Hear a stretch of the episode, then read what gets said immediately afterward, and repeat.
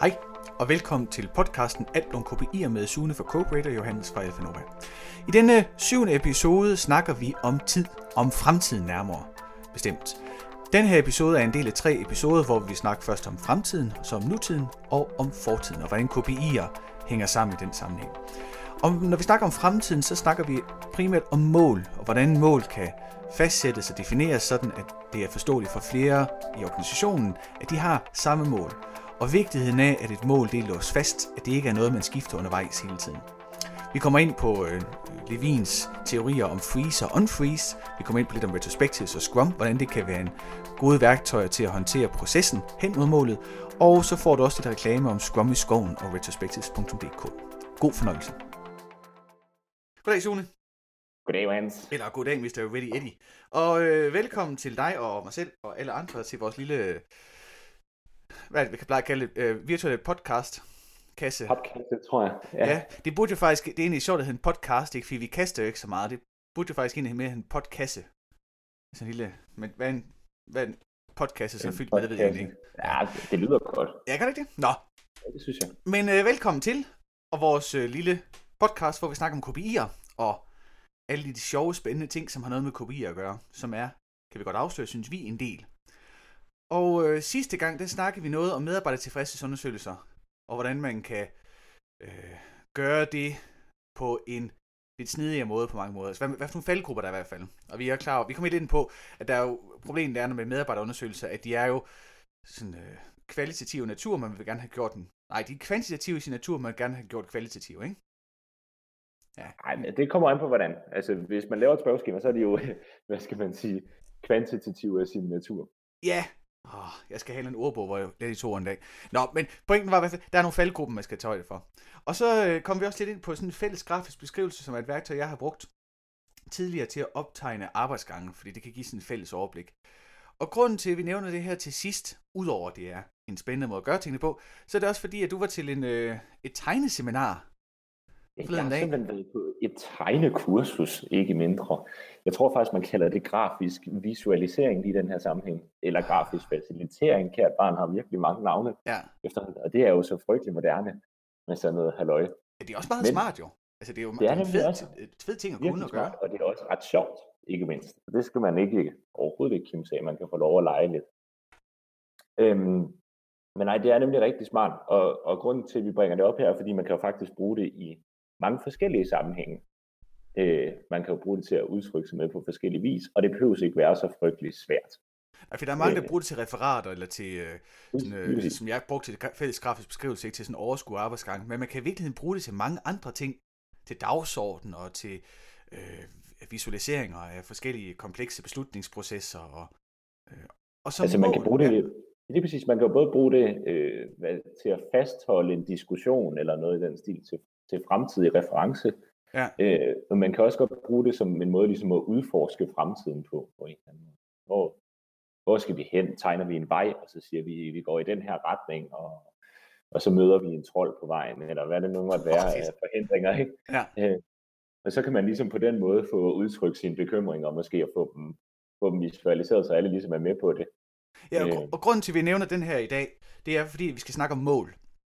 Vi skal snakke om, om fremtiden i øh, tidsperspektiver. Er det, det, det kræver lige en lille forklaring. Vi har lavet en lille, vi har lavet sådan en, en uh, trilogi af podcast-episoder her. Uh, nu har vi lavet de seks første, og nu laver vi tre næste, som hænger sammen i den forstand, at de alle sammen behandler tidsperspektiver. Og den første her, den vil, den vil snakke om det fremadrettede tidsperspektiv, tidsperspektiv. Næste gang vi snakker om nu, og den sidste gang vi snakker om, om, om fortiden. Og hvis man øh, synes, at man har hørt noget om tid før, så er det ikke helt galt, for i episode 4, der snakkede vi om tidshorisonter. Forskellen er bare her, at her, dengang snakkede vi om horisonter som i varighed, og nu her snakker vi om tid som en retning. Altså fremtid er ikke øh, øh defineret som så så lang tid ude i fremtiden, det er bare defineret som noget, der sker i fremtiden. Og når man skal snakke om fremtid og KPI'er, så snakker man, øh, så er det vigtigt for os at snakke om mål. Og udfordringen af mål, det er, at mål tit bliver sådan en flyvsk størrelse. Ikke? Altså folk på, øh, på de, øh, hvad det her, de øverste øh, gange i virksomheden, ikke? på den høje ja, uh, de fancy people, de kan godt, altså de snakker meget om mål, for det, det, det er ligesom en del af deres DNA og deres måde at snakke om, og måde at forstå virksomheden på, og, og, og udtrykke sig i målsætninger, salgsmål, øh, budgetmål, øh, virksomhedsmål osv. osv. Mens jo længere, jo tættere man kommer på produktionen, jo anderledes vil man definere målene. Og problemet er, når man skal de to, altså det er fordi, for produktionsfolk ikke så er mål jo mere at få lavet dagens produktion. Øh, budgetmål og salgsmål ja, det er, maskinen kan jo ikke gå i stykker, og vi skulle også gerne nå til frokost, og jeg gider ikke hjem efter klokken 16, tak. Ja, og det, det er, og det, sagt, ikke? lige præcis. Og det er karikeret og formentlig også øh, larmende usandt. Men, ja, men, stadigvæk, men stadigvæk forståelsesmæssigt, så giver det en mening. Ikke? Og det kan man høre mere om i episode 4, hvordan de her forskellige niveauer i virksomheden har forskellige tidshorisonter. Det vi er interesseret i her, det er, hvordan faciliterer man så den proces bedst muligt, når man skal de her to forskellige øh, niveauer i virksomheden, to forskellige syn på, på, den, på dagligdagen, på virksomheden til at mødes. At når man har nogen, som godt kan lide at tale fluffy fluffy og kæmpe stort, og godt kan rumme det og holde det i hovedet, ikke? og nogen, der tænker meget konkret og, og produktionsnært, hvordan man så lige får det til at, øh, at hænge sammen. Og der er et, et, en metode at bruge tegning, tegninger, grafisk facilitering, grafisk visualisering, så man har noget fælles, et fælles referencepunkt, noget fælles altså, hvis vi, hvis vi bliver bedt om at tegne noget sammen, så hvis jeg sætter mig ned og tegner et problem, så kan jeg jo enten tegne det som et bump på vejen, eller jeg kan tegne det som en kæmpe stor mur. Og hvordan jeg vælger at gøre det, kan måske også udtrykke, øh, hvor stort det problem er for mig, eller hvor relevant jeg ser det øh, på en eller anden måde. Altså, hvis vi nu sidder og snakker om, øh, at vi skal optimere på, øh, vi skal gøre kundeoplevelsen bedre, og jeg sidder og siger, jamen, jeg tror altså virkelig, at den bedste måde, vi kunne få kundeoplevelsen til at være bedre på, det var, hvis vi brugte noget andet tape. For og de vil være sådan, jamen det, for, det, du forstår ingenting, eller et eller andet, ikke? Men hvis jeg nu kan tegne noget, som på en eller anden måde viser problemet med den nuværende tape, den krøller helt vildt. Altså hvis jeg tegner det som en dyb afgrøft midt på tegningen her, ikke? Ja. så er det jo nok fordi, at jeg virkelig ser det som et stort problem. Og det er jo ikke fordi, det skal være sådan en terapeutisk øvelse, det her. Men, men, øh, men på en eller anden måde, så kan det være med til at sætte, øh, sætte en idé om, hvad vi ser på, på vejen, og måske også få vores tanker i en anden retning, og lidt mere øh, ind på det samme. Ja, så man kunne tænke det som sådan et, altså både en overlevering af viden mellem mennesker, ikke en afstemning af, hvordan de ser verden, mm. men også et, et uh, fremtidsreferat. Uh, altså en slags, ikke? At referat er normalt uh, baseret på beslutninger, men det her er jo så mere noget, hvad, hvad vil vi gerne i fremtiden, altså hvor, hvor er de på vej henad. Præcis. Og det, kan også, det står også det, der står i et referat normalt. Ikke? Det, er bare ikke, det er bare ikke tit, at man bruger et referat som, sit, øh, som sin målskive. Altså, det, det, så det der, den der fastholdelse af, det er den her retning, det er den her vej, vi skal hen, og det gør vi, skal vi, fordi at vi er enige om, at det her det er problemet, og det her det er den rigtige vej at gå. Altså man kan sige, hvis man nu har siddet til et møde, og man, er, man har snakket med et eller andet, og bølgerne er gået højt, og man er så kommet frem til en eller anden løsning, så tre måneder senere, så husker man måske ikke, hvor vigtigt det var. Nej, altså, øh, ja. Hvis man gentager sin tegning, så kan man måske nemmere ligesom opleve den følelse, det var at være i det rum. Ja, øh, man kan komme til at... På den måde. Ja, det er det, man kommer til at omtolke øh, det, man troede, man tænkte på et møde. Ikke? Men tegning kan fastholde det nemlig... Man skulle tro, at, at teksten var mere præcist. Ja, men det er det ikke altid. Der er noget med kontekst og indkapsling. Ja. Det, jeg tror, at bliver episode 10 måske. Det er noget med, hvordan man i virkeligheden øh, indfanger den her skide flyvske kontekst bedst muligt. Men vores pointe er i hvert fald her, ligesom en introduktion, en lang ja. en af slagsen men det er, at når man har, øh, når man skal lave mål, og man skal kigge fremadrettet, så er det en god ting at få det nedfældet på noget, som man kan være fælles om, og der er vores anbefaling at kigge på sådan en grafisk facilitering, fordi at, at det tegnede ofte fortæller mere end det skrevne ord. Og, og, og vi kender tilfældigvis faktisk en, som vi begge to synes er mægtig dygtig. Her Jesper Ørenslager, som har en hjemmeside, der hedder gravisi.dk, og han har noget så eksotisk, men han faktisk har noget øh, stof, han giver gratis væk. Det... Ja, så kan man lige lade sig inspirere lidt. Ja, det er fedt. Det kan vi godt lide. Vi kan godt lide ting, der er folk, der giver noget gratis væk. Og den note, så vi besøger os for at hæve et abonnement på vores pod. Haha, det var en, det var en joke. Det har vi ikke tænkt os at gøre. Vi kan, også, vi, vi kan også godt lide, at vores podcast er gratis, nemlig, for så kan man jo få noget inspiration, noget viden om, hvordan man kan gøre ting anderledes. Men der står, øh, som vanligt, der står et lille link til hans øh, gratis øh, ting og sager, nede i beskrivelsen af det her, den her episode. Så Jesper, hvis du lytter med derude, så kender du vores kontooplysninger. vi kan godt lide rødvin og chokolade, noget. Ja. ja. Ej, vi synes, det er fedt Ej, at også... Fif, han laver faktisk noget rigtig godt. Ja, det gør og, og hvis man synes, det kunne være lidt sjovt at prøve at kigge lidt ind i, hvordan får man det gjort, øh, hvis man gerne vil lave sådan noget øh, grafisk facilitering, eller prøve at nedfælde sine ting på en lidt anden måde, øh, så tag lige kig derinde, fordi øh, det er det værd, og at, at du kan hurtigt komme i gang med noget, som er lidt sjovt og lidt finurligt, og, og som udtrykker det, du egentlig gerne vil. Ja, så er han en god formidler også, ikke? Altså, han er, han er dygtig håndværker, så er han en dygtig formidler også. Ja. Så, nok om ham. Nok om øh, ham, og nok om mål og tegning. Ikke? Det, øh, det vi gerne vil slå tonen anden for det her fremtidsnået, det er, at når man snakker om KPI'er og fremtid, så er fidusen, at man sætter sig et mål, der skal opnås. Ikke? Det er ligesom, det er øh, trin nummer 1. Det er, at man skal sætte sig et punkt, som man stiler mod. Og det man så kan bruge øh, sin KPI til, det er at lure, om man er på rette vej hen mod målet. Men målet er noget ude i fremtiden, og det er en tilstand, man skal opnå. Og grunden til, at vi er så, så ops på det, det er, fordi man kan godt komme til at forveksle, når for eksempel når man snakker om produktionsmiljøer, øh, at så er det ikke et mål at opretholde en, en oppetid, for eksempel. Ikke? Det er et krav. Altså det er, en, det er et niveau, man har, altså det er noget, man, et spænd, man definerer mellem, at man skal have 99,5% oppetid, for eksempel. Det er jo ikke et mål i sig selv, for det er noget, man skal have hele tiden nu. Et mål, det er, at man siger, om x antal tid, så skal vi have øh, en 25% bedre kundeoplevelse. Så kan man begynde at diskutere, hvordan man definerer det og sådan ting. Men pointen er, at det er ud i tid, det er frem i tiden, og der er ligesom et punkt, når man siger, nu når, når vi nåede dertil, så er vi nået i mål. Så det kan i princippet godt være, øhm, man kan sige, man kan godt snakke om et spænd. Det skal være inden for det her område, det er ligesom acceptabelt, men, men, men så bliver, øh, hvad skal man sige, barn, man sætter, bliver målet. Ja. Man kan godt skyde over, og det er jo fint nok. Ja, man kan øh, godt have et minimumsmål og et maksmål. Og sådan noget. Altså, ligesom hvis man har et, et byggeprojekt for eksempel, ikke, så kan man have et minimumsbudget og et, et ønsket budget for eksempel. Ikke? Det jo, samme jo. kan man godt, når man sætter sig et mål. Og det, det kan man nemlig sagtens. Øh, så, så, men, men i princippet så er det stadigvæk et punkt, man, vi skal ramme over eller under, eller et ja. eller andet øh, på ja. det her, eller præcis det her. Ja. Mm. Og så er der nemlig en, øh, en vigtig pointe, at, at når man har, altså et mål er ikke til for KPI'ens skyld, det er ikke til for maskinen, der står og laver beregninger skyld. Målet det er til for os mennesker, sådan at vi kan forstå, hvor, hvor, hvor vi er i forhold til der, hvor vi gerne vil være. Så målet er ikke, det er ikke det, vi... Øh, målet og kopiet er ikke det samme, vel? Altså, KPI'en er formelen, som vi bruger til at lure, om vi er på rette vej, og målet er det, som vi som mennesker bruger for at vide, hvad vi skal være motiveret for at nå. Så mål er altså en, en menneskelig ting. Det er, ikke, det er ikke noget, der ligger. Man kan, det er fordi, man kan, man kan måske godt komme til at, at, at, øh, at tro, at når man, hvis man nu bestiller en konsulent til at komme ud og lave nogle kopier for sig, for eksempel, ikke? at så glemmer man, så tror man, at, at den konsulent kommer med hele pakken. Og det gør konsulenten ikke. En konsulent kan ikke komme med målene.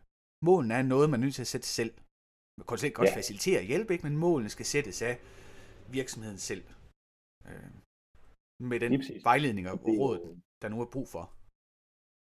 Jamen lad os sige, at man, man sætter sig en kopi og siger, øh, ja, præcis noget som produktion vil være oplagt bud, ikke? Altså, øh, fejlraten på den her maskine er enormt høj, så den, øh, vi måler på, om den kører med en lav fejlrate. Og det er jo fint nok, men, men maskinen er sådan set fløjtende ligeglad. Den kører ikke værre eller bedre af, at den har fået sat sig et mål for, at nu skal den køre bedre. Nej, den altså, ikke sur eller mukken eller et eller andet. Ikke? Altså, den, den kører, som den nu kører. Man kan godt sætte sig et mål omkring det og sige, at øh, vi skal have forbedret vores maskine, så den i gennemsnit er oppe et eller andet ja. over en eller anden periode. Øh, at det ligesom er sådan, øh, vi gerne vil ramme. Det kan vi godt sige. Så er det et mål for os. Det er noget, vi skal aktivt gøre. Hvis vi ikke har nogen indflydelse på det, på nogen tænkelig måde. Lad os sige, at vi har lavet en eller anden smart øh, søgealgoritme på internettet, og den skal bare have en hel masse billeder, og så bliver den klog til at genkende kattevideoer, oh, eller fedt. et eller andet. Eller ja, kattevideoer. Mm, mm, mm. Ja. Det bliver den drøndygtig til at se forskel på øh, videoer, der handler om at lave mad, og videoer, der handler om kat. øh, det er også lidt træls, hvis den sammen. Ja. Ja, ja. Så kan vi sige, at det der skal til her, det er jo sådan set bare, at maskinen gør sit arbejde. Den skal have noget tid, og så, så kører bussen. Det er der ingen grund til for os at sætte mål for. Hvis vi ikke aktivt kan, kan påvirke den her handling, så er der ikke noget mål for os. Ja, så mål... Så er der ikke noget, vi kan gøre. Altså, det så mål kræver også, at vi kan gøre noget ved det. Altså, at vi er en aktiv medspiller i det, ikke? Så vi kan selvfølgelig gøre noget rundt om maskinen, altså vi kan sørge for, at der er reservedel nok, og der er den olie og smør, der skal bruges, og det, der skal puttes ind i den, så den kan lave så meget, som den kan ikke. Men, men selve maskinens øh, velbefindende er jo ikke et element. Så konklusionen er, at mål, det er altså noget, vi mennesker, vi skaber, for at lure, om vi er på rette vej, der, mod derhen, hvor vi gerne vil. Og det er noget, som man er nødt til at sætte til virksomheden. Det er ikke noget, der hænger sammen med kopiet. Det er noget, der skal, det er noget andet end kopiet. Det er noget, der skal være ud over kopiet. Og så, øh, så, ja, så nu har vi det der mål her også på plads. Så har vi sådan en lille psykologisk intermezzo, fordi jeg læste engang, øh, det er efter mange år siden, da jeg læste psykologi i tidernes morgen, så havde vi om en svensk, øh, så vidt jeg husker han var, psykolog Levin. Øh, ikke, øh, ham, ikke, altså ikke Klippe. Han hedder ikke Levin, gør han det? Klippemanden. Jo, gør han ikke det? Er ikke Jørgen. Klevin, ha, ja, Levin, Klevin. Uh, same, same, but different. Ja, det er ikke Klevin, fordi så vil han også hedde noget andet. Men, men Levin, han har nogle fede teorier om uh, det, han kalder for en freeze og unfreeze mekanisme for mennesker. At uh, når vi bare går rundt og har vores dagligdag, så er vi sådan en freeze situation, altså en frossen tilstand, hvor vi kører på ryggraden, og hvor vi uh, kører på vores vaner. Og fordelen ved det, det er, at det er enormt effektivt, det er enormt, altså mentalt, Øh, er det enormt effektivt. Vi skal ikke overveje, om øh, kaffekopperne i køkkenet nu står det rigtige sted, når vi står og laver vores morgenkaffe. Vi tager bare koppen der, hvor den står. Og det er hurtigt og effektivt, at vi gør det i blinde. Vi kan køre på ryggraden. Og det hans, hans påstand er så, at når vi, når vi så har brug for nogle gange at øh, overveje, om kaffekoppen nu står det rigtige sted, så unfreezer vi, så optør vi situationen. Og så kan vi så begynde at, at flytte rundt på tingene og se, hvordan det så, hvad for en tilstand det så skaber. Udfordringen ved den her optøede tilstand, det er, at vi, vi har ikke, det er svært at optøge én ting kun. Altså når man kigger på sit køkkenskab og sidder og filosoferer over, kan vide, at min mm. kaffekop kunne stå et bedre et andet sted. Så kræver det ligesom, at man indtænker alle de andre ting i køkkenet også, for hvis kopperne skal flytte, hvor skal de så flytte hen? Står der sådan noget der i forvejen, så skal det jo også flyttes, og hvor skal det så flyttes hen? Ikke? Så det, det er svært bare at tage sine kopper. Det er ikke særlig mange mennesker, der har øh, hver anden skab tomt i sit køkken, i tilfælde af, at man får lyst til at flytte sine kaffekopper. Ikke? Det, det, kæft, det bliver et sært køkken at have. Det er ineffektivt, og det er ikke uh, særlig smart heller. Så derfor, så, så når vi optører en, sådan beslutningsprocesser, så er det gerne hele beduljen ting, vi skal, vi skal tage stilling til igen. Og det er enormt krævende at gøre. Og det kræver stor psykisk energi, og, hvis vi, og, det, og man sover mere, og man bliver træt af alt muligt. Ikke? Så det, det er ikke noget, vi har, det er ikke noget, der er smart at gøre for tit. Det er smart at gøre en gang imellem, men det er ikke smart at gøre for tit. Og det er selvfølgelig naturligt nok enormt usikkert. Altså, man, man er i kaos i det, i det øjeblik. Måske planlagt kaos, men man er i kaos. Ja, lige præcis. Og det, altså, det er måske planlagt, og det er selvskabt. Så man kan ligesom heller ikke, man kan ikke sige, øh, og det er din. Altså, man, den hænger på en, ikke? Så det er en, på mange måder, der er mange øh, ting, der gør en, det kan godt være en lidt øh, ubehagelig af stort ord. Men det er en krævende øvelse i hvert fald. Det er den, det er den pæne måde at sige det på. For det kommer ind på også, hvad for en det er. Det, er, det behøver ikke være ubehageligt, men det er krævende under alle omstændigheder. Pointen er her, i forhold til mål, at man skal have respekten for, at mål det er noget, man sætter og fryser.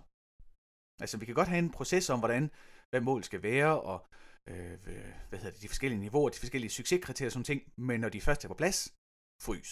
Ned i dybfryseren med dem, fordi så kan man køre det på rutinen resten. Altså, når man skal på vejen hen mod målet. At man ja. kan ikke man kan ikke holde til, at målet hele tiden er flyvsk og hele tiden ændre, øh, ændre sig. Ikke? Og det er som at, at, at jagte en flue, det er pisse frustrerende. Man er nødt til ligesom at få det frosset fast, gå efter det, og så med faste, passende mellemrum, tage det op til overvejelse og sige, er målet stadig det rigtige? Er vi på rette kurs? Men man kan ikke hele tiden være sådan en reflektiv tilstand om, kan vide, om vi også gør det rigtige. Altså, man er nødt til at, man er nødt til at sætte sit mål og så forfølge det. Og hvis man nu for eksempel er selvstændig, eller så virksomhedsejer, som vi er, ikke? Øh, så er der også en vis... Man har, når man snakker om produkter for eksempel, mm. så er det altid en... Øh, jeg snakkede lidt med min kone om det i morges, det var hun øh, svært lidt begejstret for at have sådan en morgenkaffe snak om, Karen, synes du mine produkter, de er prissat korrekt? Så bliver hun sådan lidt blank i øjnene og tænker, nu, nu tager jeg på arbejde hen, så kan du lige sidde hjemme alene. Men fordi pointen er nemlig, at som og det er jo bare et eksempel, ikke? at når man har noget, hvor man bliver i tvivl om det er det rigtige, så, så begynder man at prøve ikke? så bliver man sådan nervøs. Men, hvis produkterne for eksempel de er prissat rigtige, det kan man jo ikke gå og overveje hele tiden, for så kan man ikke få det solgt jo. Altså man kan ikke sidde ved en kunde og så tænke, ja det koster så øh, 14.000 kroner, med mindre jeg lige diskuterer med mig selv nu og finde ud af, at det koster 17, eller nej, jeg mener 13, eller jeg mener 8, eller jeg mener 47. Altså det kan man jo ikke, man kan ikke sidde og have sådan en indre prisdiskussion, ikke? Man er nødt til at have en pris på forhånd, gå ud til kunden, svisken på disken, se hvad kunden siger, og så gå tilbage i ro og mag og sige, nå, nu har jeg så solgt øh, 1000 af dem her, og jeg har tjent øh, minus 500 kroner. Der er noget galt. Eller jeg har solgt to, men jeg har budgetteret med at sælge øh, 100. Det kan også være, der er noget galt. Så de der reflektive processer om, hvad man gør, er man nødt til at have, men ikke hele tiden. Man kan også sige, at, at hvis man hele tiden justerede, så var faren for, at man justerede sine mål ned passende til den udvikling, man har. Ja øh, vil måske også være ret vil være fristende lige ja. at sige, og så nåede vi vores mål af alle. Ja, så du tænker sådan et, et salgsmål for eksempel, ikke at sige, at vi har egentlig sat os mål, vi skulle sælge 100, nu har vi solgt 10, så skal vi ikke bare sige, at målet skal være 12, for så kommer vi mål i, i overmorgen. Ja, så nåede vi vores mål, det ser godt ud, ikke? Ja, Ja. Øhm, og, og, altså, så, så mister de relevans. Målet er til for, at du har en eller anden noget at stile efter. Ja. Øh, og du skal jo allerhelst, det skal være realistisk, så du skal jo selvfølgelig kunne nå dit mål i en eller anden grad. Men skulle du ikke nå dit mål, Så, så der kan også, du gensætte det, at lave et nyt mål efterfølgende, men det er okay ikke at nå det. ja, lige præcis, fordi der er jo en viden i ikke at nå målet. Ja. Det er det, der er. Altså, jeg kan huske i akademiske kredse dengang, jeg læste ikke, så var der... Øh, så de artikler, vi blev præsenteret for, og forskningsresultater, er dem, hvor det lykkes. Og det er jo i Ja. bund og grund dybt absurd, at alle dem, der mislykkes, bliver gemt i skuffen og aldrig diskuteret. Ikke? For det betyder, at der er... Vi ved kun, øh, hvad, hvad der gik som forventet, men alle de mange spændende ting, der ikke gik som forventet, hvorfor gjorde de ikke det? Kunne man have altså, vist noget andet, vist noget mere spændende? Når man tænker på, hvor mange op, opfindelser i, i, i, i verdenshistorien, ikke, der er sket på baggrund af, hold da kæft, det var fandme sært det der, øh, penicillin for eksempel. Hey, har du prøvet at se de der svamp, jeg dyrkede der 14 dage siden? Ja, de skulle da blive ret sære. Hey, prøv at, prøv at bruge dem til at slå nogle bakterier ihjel. Åh, oh, det er pisse effektivt. Did not see that coming. Eller øl for eksempel. Ikke? Øh, Amarone rødvin. Der går der rundt munke rundt ned i Italien, ikke på den tidspunkt. Så er der nogen, der finder nogle tørrede druer og tænker, åh nej, nu kom vi igen i år for sent i gang med at presse rødvin. De der druer til rødvin, ikke? Nå, vi gør det alligevel. Bum, smag pisse godt. Ja. Og øl, det er også noget, hvor man tænker, er der nogen, der har styr på den der tynde, der står der i hjørnet? Nej, lad os lige prøve at drikke den nu her, fordi nu er vi lidt tør for det andet. Hey, det smager da meget bedre. Nej, det er godt det ja, det er. Så der er jo helt vildt mange ting, der sker, fordi at vi mennesker mm. Ikke kan forudse alting. Ikke? Så, det, så det, det er dumt at nedjustere sit mål, bare fordi, at man ikke lige synes, det går som forventet. Det er smart at holde pinen ud, og så evaluere bagefter. Ja, lige præcis. Og det lærer os faktisk øh, fint videre til, øh, til noget, som vi begge to bruger til at, øh, at både styre processen, men, men endnu vigtigere til at håndtere den her evalueringsproces, når man så opfryser, optør sine, sine processer, sine mål, om man vil. Ja, Og det er fordi, jeg tænkte her, du ville sige lidt om Scrum, fordi at det er der bruger det mest. Men jeg kan også sige, men jeg tænkte, det, det kunne være, så kunne jeg sige noget retrospektivt bagefter. Men vil du ikke, vil du ikke lige prøve at fortælle kort, Sune, hvad, hvad er det her? Der kunne måske sidde nogle mennesker derude, der tænker, hvad er det der Scrum for noget i virkeligheden? altså det, en, en, yes, og det tænker jeg helt sikkert også, det gør. Måske hvis man lige har fulgt lidt med rundt omkring, øh, og, og synes, at sådan noget projekt ledelse i den ene eller anden form er lidt interessant, så har man hørt om agil projektledelse. Åh oh, ja, Eller iterativ. Åh, altså, det ja. Ja. øh, To af de største buzzwords inden for de sidste, øh, i hvert fald hvis man kommer i de kredse. ja, og det fede er, det er lidt ligesom med kognition inden for psykologi. Hvad dækker kognition over? Mm, hvad vil du gerne have, det dækker over? Og agil og iterativ, det er bare sådan to, mm, mm. Men det betyder vel egentlig bare, Så at kan man, jeg lige starte med min, øh, med min største kæphest inden for det. Det er to forskellige ord. Ja, ja, lige præcis, ja, det er ikke det samme. Hvem var det, der sagde, det er smidige, smidige gentagelser? Ja, Det, det, det, det er jo meget det, det, er mere til at forstå. Det er stadig lidt sært, men det er mere til at forstå. Skulle man være lidt i tvivl, så kan man lige bringe det ned på jorden ved at sige agility. Og agility, hvis man Ja, ja, har en hund, det er, det er noget med at hoppe og danse, ikke? Og, og, og springe rundt og skifte retning. Åh, fedt. Jeg får et, et fedt indre billede af sådan en moderne IT-virksomhed, hvor der sidder 40 udviklere, der får at vide, at nu skal de, nu skal de være agile. Og så begynder de at hoppe og danse. Så små, øh, jamen, det er smukt. Men det, Ja, og siger buffer for hundekig. ja, lige præcis. Åh, det er dejligt. Ja, og det er, det er agilitet, altså agility, øh, at noget skal være agilt. Ja. Så er der iterativt, der kan man tænke på iterationer eller gentagelser. øhm, og det betyder sådan set bare, at vi gør tingene igen og igen og igen. Og det er det, der er interessant i forhold til øh, sådan noget som retrospektivs, det skal vi nok lige komme ind på, men, men det er der, det kommer ind i billedet. Så det er det her med, hvad skal man sige, det er vores freeze-periode, det er en eller anden gentagelse, så har vi en non-freeze-periode. Øhm, hvis man kan sige det sådan. Men i virkeligheden så laver vi en masse repetitioner. Og det er kun interessant lige i det her tilfælde. Det kan godt være interessant i forhold til... Nej, det er faktisk kun interessant i forhold til en eller anden form for projekt. Ja. Det vil sige noget, som øh, har en start, og så skal der ske et eller andet, og så har det en afslutning. Og det kan godt være et projekt om at forbedre sin proces. Det kan også være alt muligt andet, men hvis du står ude i produktionen og laver papkasser, så er det ikke et projekt. Så snakker vi ikke. Det er Scrum. så, så er det drift. Så er det Ja. drift. Og det er noget andet. Ja. Øh, Jeg kan og også det godt man bruge de her agile, iterative tanker, ikke? men så er det ikke Scrum, man bruger, så er det Kanban eller noget andet. Lige Så, præcis. ja. Så, så er der, der er andre frameworks til det arbejde. Ja. Øhm, men Scrum, det er sådan set øh, sådan, at navnet, nogen tror, det er en eller anden forkortelse, det er det ikke. Og det er fedt, det ikke er det, for det er, hold kæft, er det tit forkortelser. Ja, Men Scrum, det er bare, er- ja, der har siddet en, en øh, ja, så vidt jeg husker, amerikansk fodboldbane, måske. Øhm, Ja. eller rugby. Jeg, kan ikke jeg, tror, det, jeg, jeg tror, det er amerikansk fodbold, der hvor de står og... Ja. Er præcis. De står i sådan en, en øh, klump, man kan prøve at google det, uh, scrum, uh, amerikansk fodbold, og se, hvad man får ud af det. Um, men det er faktisk en taktik, hvor man holder sammen og presser i samme retning, og sørger for, at teamet ligesom kører, kører i en retning. Det, det, det har den taget navn af, den her taktik. Så derfor hedder det Scrum efter den taktik. Så lige nu har vi præsteret inden for meget kort tid og, sammen, og, og, øh, og sige, at hvis man bruger Scrum og agil og iterativ udviklingsmetoder, ikke, så har man en flok udviklere, der står og hopper, danser og gør og får hundekiks, samtidig klumper sammen og presser i samme retning. Det er et meget fint billede. Ja. Det tror jeg, det er der, vi er. Ja. Og, og det, det er i hvert fald det, vi gerne vil ja. vores spøjs det så kan lyde. Apropos øh, det der iterative, det er meget skægt, fordi Søren Kierkegaard, den gode gamle øh, forfatter, ja. som de fleste af os kender, har faktisk skrevet bogen Gentagelsen, hvor han faktisk beskriver, det er der en, en øh, Konstantin, Konstantinu, Konstantinius, Konstantius hedder han, ja, at han gentager forskellige ting i håbet om, at han oplever det samme, så vidt jeg husker. Det er sådan mm. nogle år siden, det Kierkegaard sidst. For eksempel 3.G, så det er jo kun øh, 20 år siden. Så det jo, ja. Men det spændende med, jeg står også lige og læser et kort resume på Saxo, fordi jeg skal lige være sikker på, at jeg ikke sender en fuldstændig åndssvagt. Men han, han, øh, han prøver nemlig at lave gentagelser for at, med ønsker om at få det samme resultat.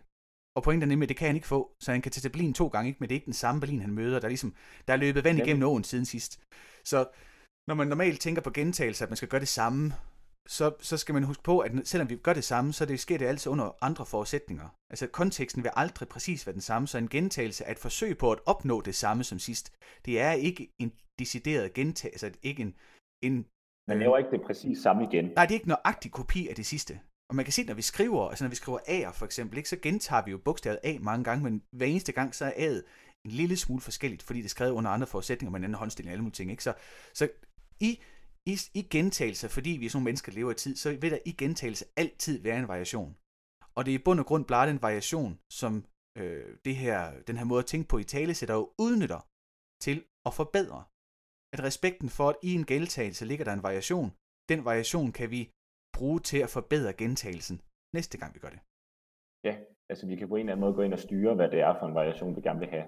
Ja, vi kan bruge det som, som erfaringskilde, som erfaringsgrundlag. I særdeleshed, når vi i tale sætter det, ikke? Hvad var det i den her variation, den her gentagelse, som gjorde det var anderledes end sidst? Hvorfor blev vi A pænere den her gang før? Ikke? Og, så, og der er mange gentagelser, som vi intuitivt bare tilegner os. Når vi lærer at cykle for eksempel, ikke? når vi skal lære at holde balancen, så, så, gen, så lærer vi jo variationen af, når vi drejer med cyklen, ikke? med styret, at så lærer vi at gøre det på en bestemt måde. Øh, så der er rigtig mange ting i vores dagligdag, som, som vi, hvor vi ikke er bevidste om, at vi lærer af gentagelser. Og det er den bevidstliggørelse, som er øh, en del af det at bruge Scrum. Og du nævnte du før retrospectives, og retrospectives er sådan den, den del af Scrum, som jeg synes er i særdeleshed meget spændende. Scrum kan man også, altså man kan læse om, det består af, øh, øh, den korte udgave af Scrum, det er, der, det består meget af nogle, nogle ceremonier, altså nogle, nogle øh, det sidder ceremonier, fordi man kan ikke lide, det hedder møder, fordi at møder indikerer noget forkert i vores kultur lige nu. Så tror jeg, det er sådan, det er sådan ineffektivt, ikke? Sådan Men det er også fordi, at en ceremoni er, er netop, en gentagelse. Det er noget, der er fast. Det er noget, man gør. Ja, det er rigtigt. Samme tidspunkt altid. Hvor ja, et møde, på samme måde, ja. man har en gang imellem. Altså. Ja. ja, det er rigtigt. Ja, så det, ja. Det giver god mening. Så der er forskellige ceremonier, der er knyttet op på Scrum, for eksempel daily stand-up, at man hver eneste morgen bruger øh, 10 minutter kvarter på at stå op sammen og, og snakke om, hvad der er sket. Og der er forskellige ceremonier, som har været deres fokus, og det er det, der er med til at gøre Scrum skide smart, at, at de ting, man skal gøre for at få processen øh, så smidig, så agil og så, iterat, altså, så smidig som muligt, det ligger som de her fordefinerede ceremonier. En af ceremonierne er så retrospectives, som er en måde at evaluere på. Og normalt, når vi tænker evalu- evaluering, ikke, så er det noget, vi gør til sidst. Altså, vi har et projekt, og så evaluerer vi. Og udfordringen ved det, det er, og det har vi flest af sikkert prøvet, det er, at den evaluering, der kommer ud af det, den kigger man på og siger, hold kæft, det var en flot evaluering. Skal vi ikke putte den ned i skuffen? Og så aldrig kigge på den igen. Fordi, og det er jo sådan en, det er sådan en vedtagenhed, det, det man gør ikke, fordi at så øh, næste gang man får et projekt, så siger man, ja ja, men det her, det er jo ikke, det er jo ikke præcis det samme som sidst. Nej, der er ikke nogen projekter, der er ens. Altså, jævnfør vores øh, snak om gentagelse. Der er altid en variation, uanset hvor, hvor ens det er. Så pointen er bare her med, med evalueringer, at den skal ske oftere, og den skal ske, mens man er i gang. Så i retros- retrospectives ligger som en fast del i sit Scrum-forløb. Og en Scrum-periode hedder det nok nærmere en forløb. Scrum-periode er i stedet mellem 1 og 4 uger, cirka, ikke? Jo, Alt det, altså, man kører, hvordan en setup er. Typisk i stedet mellem 2 og 4 uger. Ja, ja, en uge, det skulle, det, så bliver det meget... Ja, så skal det gå stramt. Altså, det så har er det jeg prøvet, men så er det nogle meget korte projekter. Ja. Og det, det er fordi, Øh. at i en, i en, i en uh, sådan Scrum-periode, så skal man gerne nå at lave release, og release skal altid bestå af funktionsdygtige nye elementer af software. Altså noget, der kan testes, noget, der kan gøre noget. Ikke nødvendigvis noget stort, men det skal en potentially shippable product. Altså noget, Ja. man potentielt kunne sende ud til en kunde. Ja, så det, hvis der er en knap, så skal knappen kunne noget. Det er ikke nok bare, at knappen er der. Øhm, så derfor det, Øhm, Jeg tror, vi sætter et link ind til, hvordan øh, Scrum-frameworket fungerer. Sådan en lille tegning. ja, det er det, det vi gør. Nå ja, den med, øh, ja, den med pilerne og så pilen rundt om. Ja. Så kan vi referere til det framework, nemlig, for der kan man se, at retrospective er en lille, øh, hvad hedder sådan en rund cirkel med en pil i. Sådan en gentagelse, men på gentagelsen. At når man har sin scrum-periode, scrum-periode på tre uger, ikke, så er retrospective ligesom en, en lille whoopty oven på den. Og det er fordi, i et retrospective, der kigger man på, hvad der er sket, hvad, kan vi, øh, hvad der er gået godt, hvad der er gået mindre godt, hvad kan vi lære af, og hvad kan vi forbedre. At der er et stort fokus på ikke at placere skyld. Altså skyld, er Mm. noget, hvor herre tager sig af, hehe, siger min mor altid. At det der med at placere aben, det giver ikke mening. Øh, det, det kommer der ikke noget godt ud af. Det, der giver mening at fokusere på, det er, hvordan gør vi det sammen bedre. Så det skaber, når man har haft retrospectives over tid, ikke, så det er, den, det, er den, det er der, hvor man kan unfreeze øh, måden at gøre tingene på i et kontrolleret, lukket miljø. Altså man Ja. bliver enige om, hvad det er, vi snakker om i dag. Snakker vi om kaffekopperne, snakker vi om glasene, snakker vi om skålene. Vi snakker ikke om alting på samme tid. Ikke? Vi definerer ligesom, det, hvad det største problem er, og det gør vi sammen. Mm. Og det problem kan godt ændres over tid, ikke? så det er derfor, det er smart at have det, have det øh, jævnligt. Og så diskuterer man det, og finder ud af, hvad skal der så gøres. Og så har man den næste Scrum-periode til at så gøre de aktioner, som man er blevet enige om. Og det betyder, at jeg var ude på et tidspunkt og holde sådan noget... Øh, øh, øh, Nå, det, det kommer vi også ind på lidt senere. Vores Scrum i skoven, som vi laver, altså hvor vi tager ja. Ud i en skov og underviser folk i, hvad Scrum er, ved at man prøver Scrum-metode vælger mad over bål. Det er skide sjovt. Øh, synes vi. Og det, det, det synes vores deltagere faktisk heldigvis også. Det vil være det der med ind under huden, altså Ja. på en anden måde, og, og nu snakker vi jo ofte om software her, men Scrum i skoven handler overhovedet ikke om software. Nej, det gør den faktisk ikke. Altså, den, den kan handle om, eller det kan være udviklet. Det er relevant, men, Ja, ja, men den, men den det kan, kan i være- virkeligheden også handle om at ramme det, man laver der, eller hvad man skal sige. Det, er jo, det har absolut intet med software at gøre. Ja. Og det er jo fordi, at, at alle kan bruge den. Når man skal snakke om ting, at det kan være fint nok at prøve at tage det lidt ud af den Ja. kontekst, man har oplevet det i, for at have en, en fælles referenceramme. Ja, så det vi laver, det er jo en blanding af en instruktion til Scrum, øh, og så det teambuilding. Øh, Ja. Og så den der fælles reference forståelse, man får for det. Øhm. Vi snakkede om retrospective før, og så nævnte jeg Scrum i skoven. Hvorfor var det, jeg gjorde det? Øj, vi er jo i gang i nogle actions. Nå ja, ja. Fidusen er så laver man de her actions, hvor man så bliver enige om, hvad det er, der, der, der fylder mest, og så fokuserer man på i den næste periode at få dem løst. Og det betyder, at ja, det var fordi, vi sad nede ved øh, bålet. Scrum i skoven startede med, at man sidder, Scrum i skoven startede med, at man sidder og får lidt kaffe og, rundstykker, og så hører man om, hvad Scrum er, sådan en kort introduktion til det. Og der øh, fik jeg det beskrevet på sådan en måde, at, at at holde retrospectives er lidt som at definere en meget lang lækker medisterpølse. Og øh, det, medisterpølsen er, er symbolet på alle ens problemer i virksomheden. Alle ting, man gerne vil gøre noget ved. Ikke?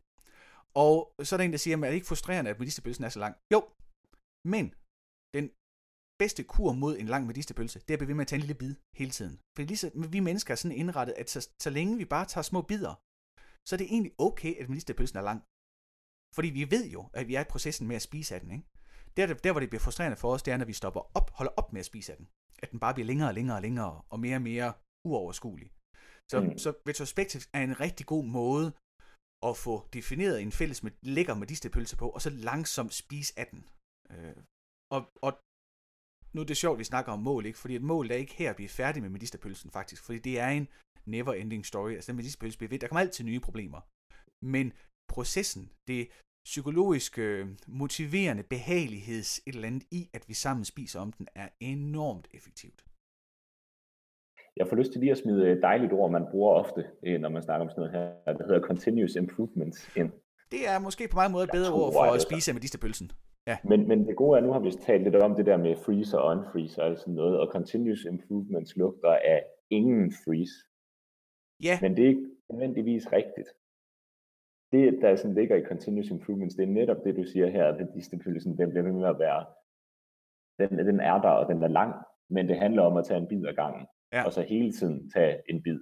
Så når man har sin freeze, eller hvad hedder det, unfreeze periode, jamen så er det der, man kommer frem til, hvad det er, man skal forbedre, og så arbejder man med sine forbedringer i freeze-perioden hen mod det mål, man har sat sig selv.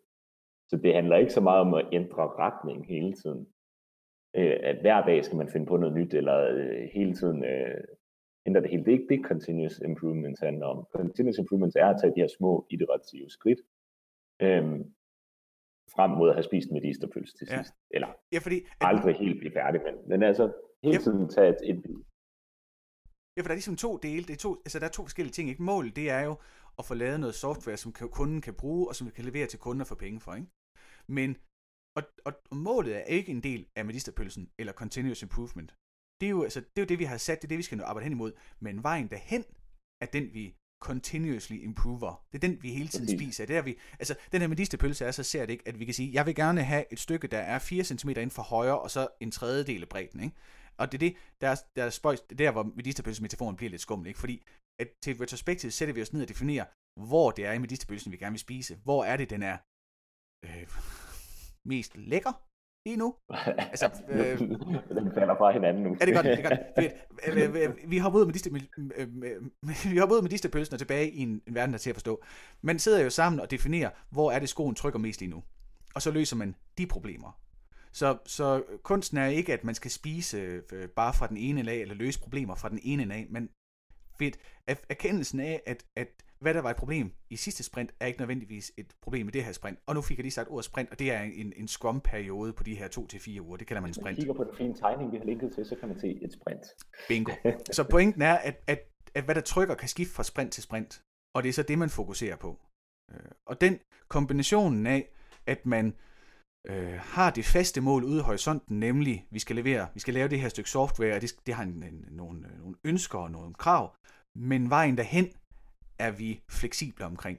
At det er det, der skaber en, en god, smidig, iterativ, øh, fleksibel lærende, alle de her fancy, fede ting, som, som, er, som både nogle pæne ord, men som også udmyndter sig i en, i en effektiv og behagelig og motiverende dagligdag hvis man nu skal mm. op på sådan psykologiske termer, ikke? at det, det, det giver glade medarbejdere, det giver tilfredse medarbejdere, det giver effektive medarbejdere.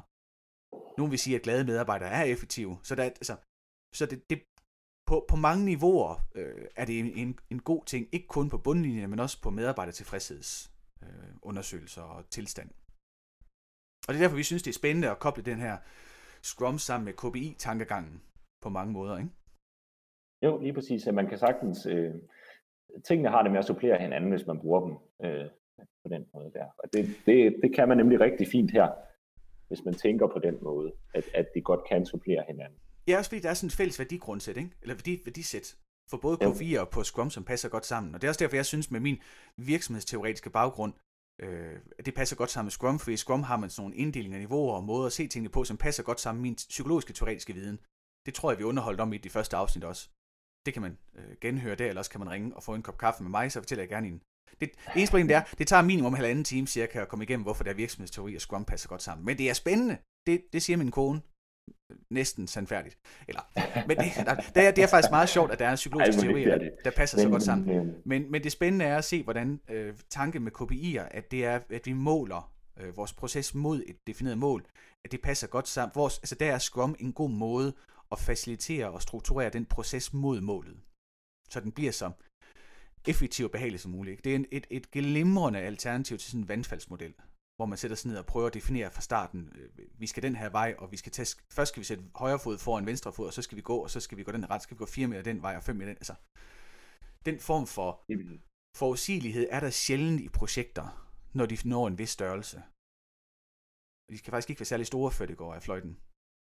Det kan være, at vi skal snakke om projekttyper en gang også. Det er, oh, det er også ja, det må være nummer 11. Ja, det kan man glæde sig til. Men det var det, vi øh, tænker, det er det. Altså, hvis man gerne vil vide lidt mere om øh, retrospectives eller Scrum i skoven, så er vi faktisk begge to øh, mere eller mindre involveret i, ja, vi er, begge, vi er begge to med i Scrum i skoven. Hvis man booker det, så er det også, man kommer ud og lege med i skoven. Det er hyggeligt. Vi skal ikke, vi, eller det synes vi selv, vi synes, det, vi er skal ikke faktisk, det kan vi faktisk godt sige, vi er. Det er en rigtig hyggelig dag, hvor man har mulighed for at få ro på og pulsen op på samme tid. Ja, det er fedt, ikke? Ja, At man, ja. man både hygger sig, og alligevel så er man farmet rundt som en, en skoldet skid, når man skal lave uh, sushi over bål, og uh, creme brulee, alle mulige fede ting over bål. Det er skide sjovt. Og det kan man se mere om. på scrummeskålen.dk, og så linker vi også til det, tror jeg. Ja, lige præcis. Og øh, hvis man synes, det her retrospective-del lyder spændende, hvis man synes Scrum-delen lyder spændende, så er man også velkommen til at tage fat i os, så skal vi gerne fortælle, hvordan man kommer i gang med det. Øh, Sune, du har noget praktisk erfaring med det. Det har jeg sådan også, men, men vi har forskellige øh, øh, syn på det, og forskellige fifs til, hvordan man kommer nemt i gang. Og vi kan også godt hjælpe jer i gang, hvis det er det. Men man kan også ringe og få en snak, uden det koster noget. Bare hvis man gerne lige vil høre noget. Retrospectives-delen er noget, jeg laver sammen med en, der hedder Birte Laversen, som har været øh, projektleder og Scrum Master i øh, 15-20 år, eller sådan noget, forskellige IBM og LEC, alle mulige fede steder. Og hun er valgt at blive selvstændig nu her, fordi hun vil gerne fokusere på det her retrospectives. Og det, det laver jeg sammen med hende, for det synes jeg er spændende at se, hvordan de psykologiske aspekter af sådan noget procesoptimering kan kobles sammen med retrospectives. Og det kan man sjovt nok læse mere om på hjemmesideadressen retrospectives.dk. Og der, kan, der er det, man kan købe nogle retrospectives, man kan få med sig på et nyhedsbrev, der er ganske gratis, så man kan komme i en RF-gruppe for uh, Scrum Masters lave retrospectives. Man kan også ringe til Birte, man kan også ringe til mig, og så hvis man gerne vil høre lidt mere om det. Det er, det er noget, hvor vi kan se, at der er stort potentiale for at lave øh, mange typer forbedringer om arbejdsmiljø, eller som ikke kun er relateret til, sådan, til øh, processtyring eller procesoptimering, men kan være hvad som helst. Øh, medarbejder tilfredshedsundersøgelser, de her APV'er, øh, som er lovpligtige, det kan man også bruge det her retrospectives tankegang til. Så det er anvendeligt i mange forskellige steder. Det var en lang snak om de andre sjove ting, vi går og laver. øh, ja. Og det var, så, så, så det vi har, altså hvis man lige skal lave bouillonterning i dag, så det vi har snakket om, det er, de her mål, man skal sætte sig, når man laver, når man kigger fremad, og man skal sætte nogle kopier op. Øh, et mål, det er noget, der ligger ude i fremtiden, og det er et punkt. Det er noget, man opnår, og så er man i mål. Øh, ha. Ja. Ja, det er, som, som man, som man siger. Ja. ja. Øh, og det vi så har ventet, det er, hvordan man kan skabe nogle fælles forståelse af de her mål. Der, hvor en af vores øh, måder at gøre det på, i vores anbefaling, det er, at man tegner dem enten som, altså enten for sig selv, men, men i høj grad som supplement til en skreven tekst. Der kan et billede være nemmere, vi er mere visuelt orienteret os mennesker, vi kan hurtigere forstå det ofte. Øh, og så er vores fokus på, at det er så mål, det er sådan noget for mennesker. Det er ikke noget, der ligger i maskiner. Og så har vi snakket lidt om den her med at fryse og optø øh, øh, mål og processer. Det skal, man, det skal man være varsom med at gøre. Man skal ikke være i sådan en optøet tilstand hele tiden. Og så har vi lidt om Scrum og Retrospectives, hvordan man kan bruge det. Og noget om de her Scrum og Retrospectives øh, hjemmesider, øh, hvor man kan læse mere om de to ting. Lige præcis. Og, og det næste... vi så ikke kigger frem imod, hvad kan man sige, næste gang, ja. vi skal snakke om ting, det er øh, del 2 uh. om, øh, om tid. Vores tidsfokus her. Og det kommer til at handle om nutiden. Ja. Her og nu. Øh, så måske det, vi vil kalde for freeze, kunne vi også godt kalde. Ja, det kunne man faktisk godt, ja. I dag har vi snakket meget om, øh, om unfreeze, egentlig. Altså, hvordan man håndterer det. Øh, næste gang kommer til, det er fuldstændig korrekt, det kommer til at minde om, om uh, isterninger næste gang. Så vi... Eller fast, fastfrossen tilstand. Lige præcis. Jeg er meget glad for øh... madmetaforer af en uansagelig årsag. Det kan godt være noget, jeg skal arbejde lidt med. Det kan være. Det kan være, du er sulten. Ja, ja det, det, det, kan det godt være. Og så selvfølgelig et, et del 3 af den her lille trilogi, vi har kørende her, der kommer vi så selvfølgelig til at snakke om det her bagudrettede øh, fokus. Øh, måske lidt om økonomi. Sådan noget. Ja. Og det glæder vi os til. Det gør vi så det var, det var alt for os i dag. Eller det var i hvert fald for mig. Jeg ved ikke, om du har mere også. Nå, okay. Ja, jeg har ikke noget Ellers må du gerne sidde her en halv time og snakke med, med, med dig selv største. Cool, Sune. Tak for nu. Og tak til jer ja. fordi I lyttede med. Tusind tak, fordi I lyttede med. Hej. Hej.